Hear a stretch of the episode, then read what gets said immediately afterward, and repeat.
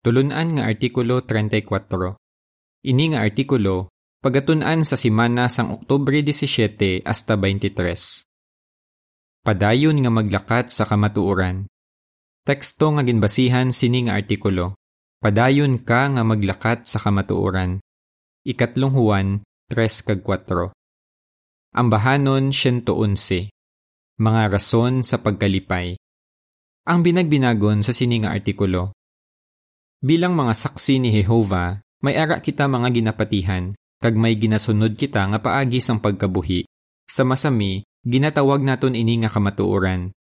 Baguhan man kita sa kamatuoran o kung nabalaan na naton ini halin sang bata pa kita, dapat naton binagbinagon kung nga agi napabaloran naton ang kamatuoran. Kung himuon naton ini, magapaligon ini sa aton nga himuon ang aton bugos nga masarangan para malipay sa aton si Jehova. Para po uno, pamangkot. Ano ang binipisyo kung ginaistoryahan naton ang rason kung paano nato natunan ang kamatuoran? Paano mo natunan ang kamatuoran o kung paano ka nangin saksi ni Jehova? Sigurado gid nga madamo na nga beses nga ginpamangkot ini sa imo. Isa ini sa una naton nga ginapamangkot kung gusto naton nga makilala sing maayo ang isa ka utod. Nanamian kita mamati sa aton mga kauturan kung ginaistorya nila kung paano sila nangin saksi ni Jehova, kag nanamian man kita magistorya kung nga agi na pabaloran gid naton ang kamatuoran. Paagi sa sini nga mga pag-istoryahanay, madumduman naton ang mga rason kung nga nalipay gid kita nga mangin saksi ni Jehova.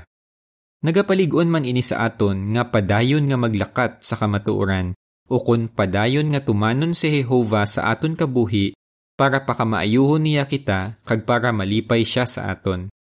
Ikatlong Juan 3 kag 4. Para po dos pamangkot. Ano ang binagbinago naton sa sininga artikulo? Sa sininga artikulo, ripasuhon naton ang pila ka rason kung nga agi napabaloran naton ang kamatuoran. Dayon binagbinago naton kung paano naton padayon nga mapakita nga ginapabaloran naton ining hamili nga regalo. Paagi sa sini nga pagripaso, sigurado gid nga magapasalamat pagid kita kay Jehova kay ginbuyok niya kita sa kamatuoran. Magapaligon man ini sa aton nga panikasugan pagid nga isugid sa iban ang kamatuoran. Kun nga ginapabaloran naton ang kamatuoran. Para po tres pamangkot. Ano ang pinakaimportante nga rason kung nga ginapabaloran naton ang kamatuoran? Madamo ang rason kung nga agi napabaloran naton ang kamatuoran. Ang pinakaimportante nga rason amo ang aton gugma kay Jehova nga Dios nga amo ang ginahalinan sang kamatuoran. Paagi sa iya pulong ang Biblia, nakilala naton siya bilang labing gamhanan nga manunuga sang langit kag duta, kag bilang aton may gugmaon nga amay sa langit nga nagaulikid gid sa aton.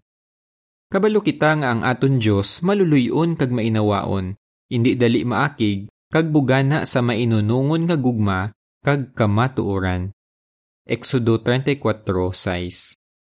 Ginapabaloran ni Jehova ang katarungan. Nasakitan siya kung nagaantos kita kag gusto na gid niya nga dulaon ang tanan naton nga pagantos sa iya gintalana nga tion. Excited na gid kita sa sina nga tion. Isa ini sa mga rason kun nga a palangga gid naton si Jehova. Para po 4 kag 5 pamangkot. Nga agin komparar ni Apostol Pablo sa angkla ang aton paglaom. Ano pa ang isa ka rason kun nga agi napabaluran naton ang kamatuoran? Dako gid ang nabulig sa aton sang kamatuoran. Binagbinaga ini nga halimbawa. Nalakip sa mga kamatuoran sa Biblia ang aton paglaom sa palaabuton para ilaragway ang importansya sini nga paglaom, si Apostol Pablo nagsulat. Ini nga paglaom nga yara sa aton daw kaangay sang angkla para sa kalag, patod kag maligon. Hebreo 6:19. Ang angkla amo ang nagabulig para indi maanod ang sakayan. Gani daw pareho sa angkla ang aton paglaom nga nabasi sa Biblia kay nagabulig ini sa aton nga mangin maligon kag kalmado kung may mga problema kita. Sanggin siling ini ni Pablo, ginabinagbinag niya ang parti sa ginapabaluran nga paglaom sa ginaplas nga mga Kristiyano nga magkabuhi sa langit. Pero maaplikar man ini sa mga Kristiyano nga nagalaom nga magkabuhi sing wala sing katapusan sa paraiso sa duta. Huo, sang natun-an naton ang party sa paglaom nga kabuhi nga wala sing katapusan, may katuyuan na ang aton kabuhi. Para po 6 kag 7, pamangkot. Paano nakabinipisyo si Yvonne sang natun-an niya ang kamatuoran party sa palaabuton? Binagbinaga ang eksperyensya sang isa ka sister nga si Yvonne. Wala siya nagdako sa saksi nga pamilya. Sang bata pa siya, nahadlok siya sa kamatayon bangod may nabasahan siya nga indi gid niya malipatan. Amo ini ang nabasahan niya. Ang kamatayon ang katapusan sang tanan. Nagsiling siya. Bangod sini, hindi ako makatulog kun gabi sa pagpaminsar party sa palaabuton. May katuyuan gid siguro ang aton kabuhi, nauna-huna ko. Ti ano ang katuyuan sang akon kabuhi? Hindi ko gusto mapatay. Sang ulihi, sang teenager na si Yvonne, may nakilala siya nga mga saksi ni Jehovah. Nagsiling siya. Natunan ko ang party sa paglaom nga mabuhi sing wala sing katapusan sa paraiso sa duta. Kag nagapati ako nga matuod gid ini. Paano nakabinipisyo ang aton sister sang natunan niya ang kamatuoran? Nagsiling siya. Makatulog na ako sing maayo, kay wala na ako nabalaka parti sa palaabuton kag kamatayon. Ginapabaloran gid ni Yvonne ang kamatuoran, kag nalipay gid siya nga isugid sa iban ang party sa iya paglaom sa palaabuton. Ang caption sang picture nagasiling. Ang kamatuoran sa Biblia daw pareho sa angkla. Ang angkla amo ang nagabulig para hindi maanod ang sakayan, Gani daw pareho sa angkla ang aton paglaom nga nabase sa Biblia, kay nagabulig ini sa aton nga mangin maligon kag kalmado kung may mga problema kita. Ginapaligon man kita sang kamatuoran sa Biblia nga isugid sa iban ang aton paglaom sa palaabuton. Para po 8 kag 9, pamangkot sa A.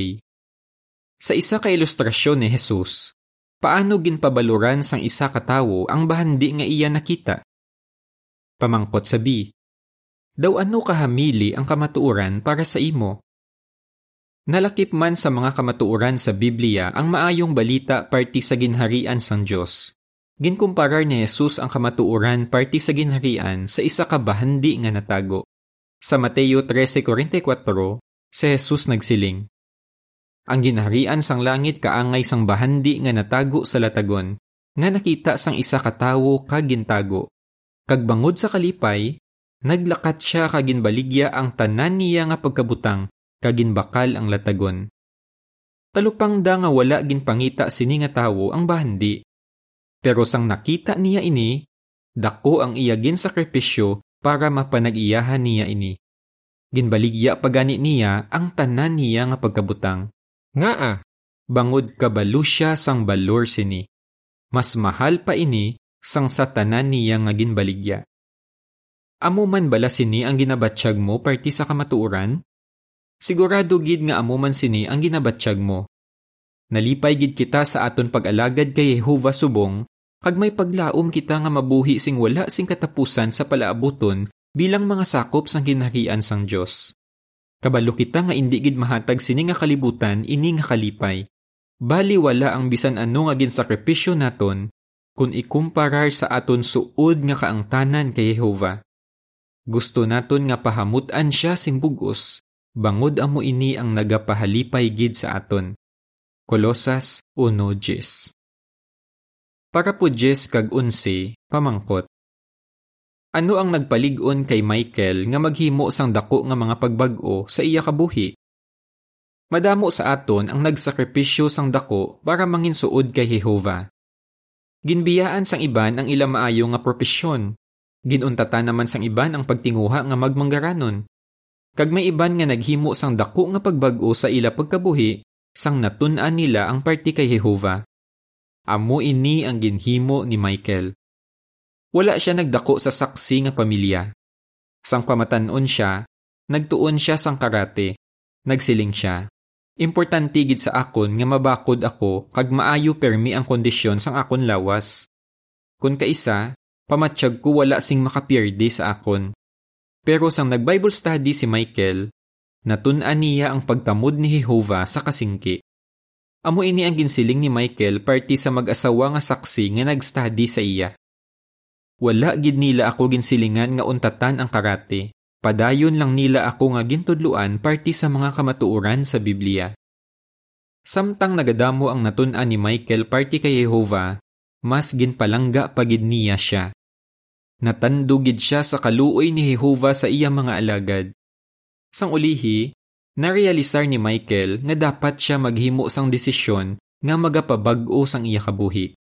Ang paguntat sa karate amo ang pinakamabudlay nga desisyon nga dapat ko himuon, siling niya. Pero kabalo man ako nga malipay sa sini si Jehovah, kag kumbinsido ako nga mas importante ang pag-alagad sa iya sang sabisan ano nga akon isakripisyo. Ginpabaluran gid ni Michael ang kamatuoran nga iya natunan, gani naghimo siya sang dako nga mga pagbag-o sa iya kabuhi.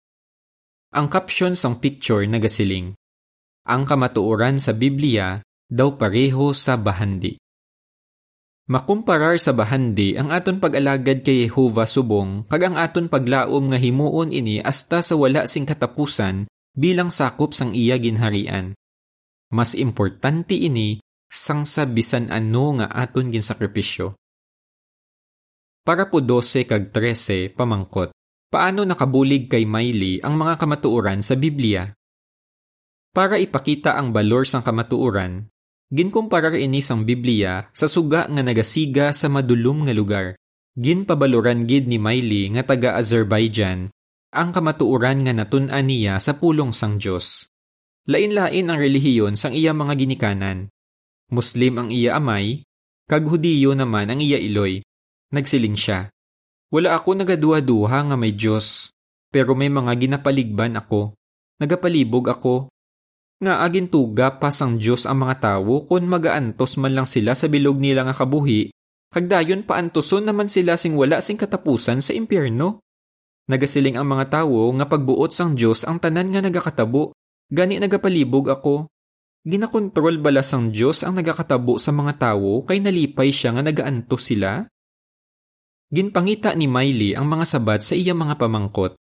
Sang ulihi, Nagpasugot siya nga mag-Bible study kag nangin isa siya kasaksi ni Jehovah.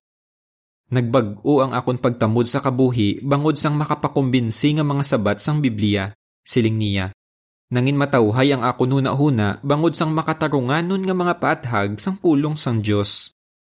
Pareho kay Miley, ginadayaw naton tanan si Jehovah, ang isa nga nagtawag sa aton halin sa kadudulman pakadto sa iya makatilingala nga kapawa.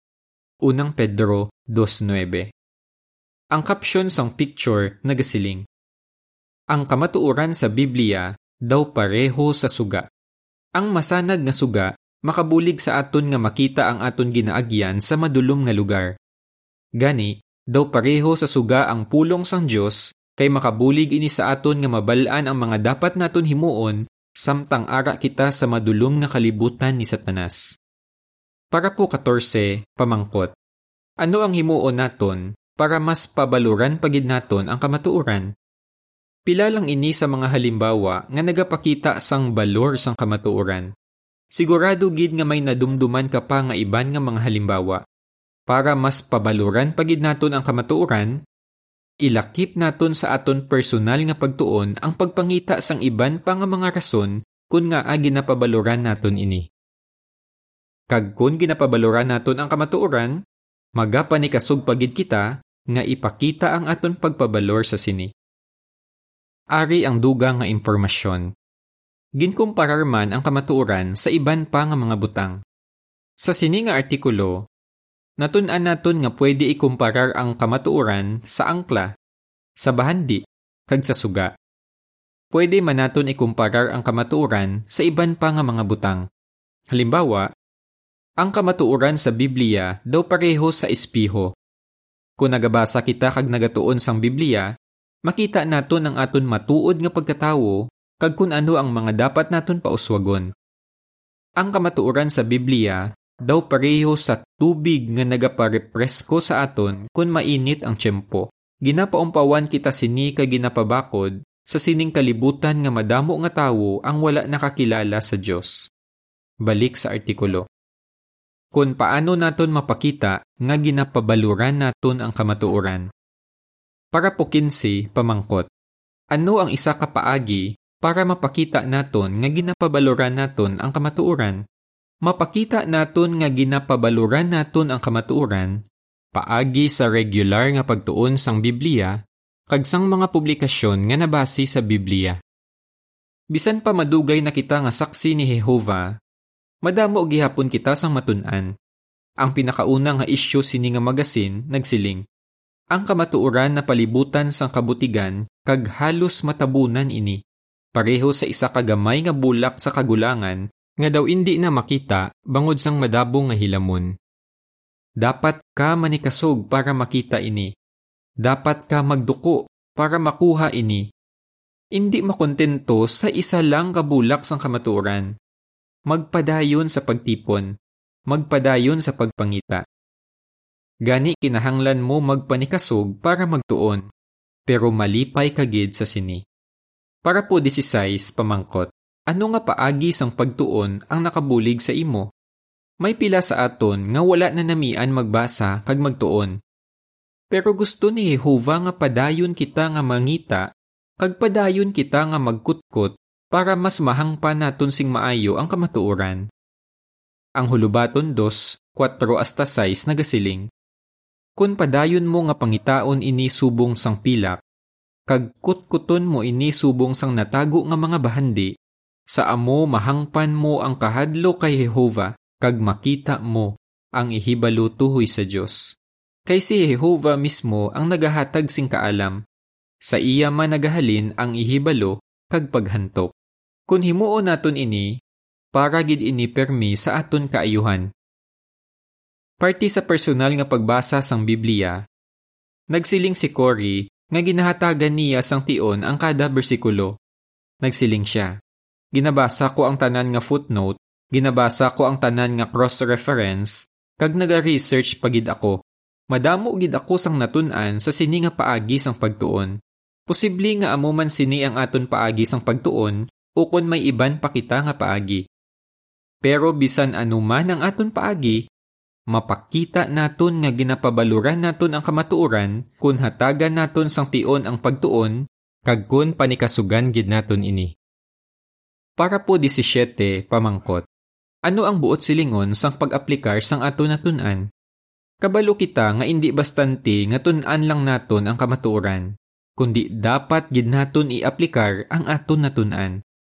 Kung himuon naton ini, mangin matuod kita nga malipayon bangod sa kamatuoran.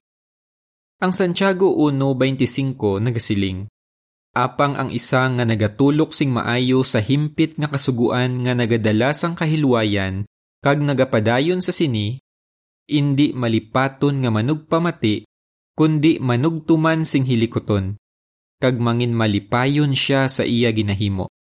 Paano naton masigurado nga ginaaplikar naton ang kamatuoran? Ang isa ka brother nagpanugda nga dapat naton usisaon ang aton kabuhi para mabalaan naton kung ano na ang mga ginaaplikar naton sa aton mga natunan, kag kung ano ang mga wala pa naton ginaaplikar. Si Apostol Pablo nagsiling, Bisan anuman nga pag-uswag ang aton nahimo sa sini, padayon kita nga maglakat sa husto nga paagi sa amo gihapon nga dalanon.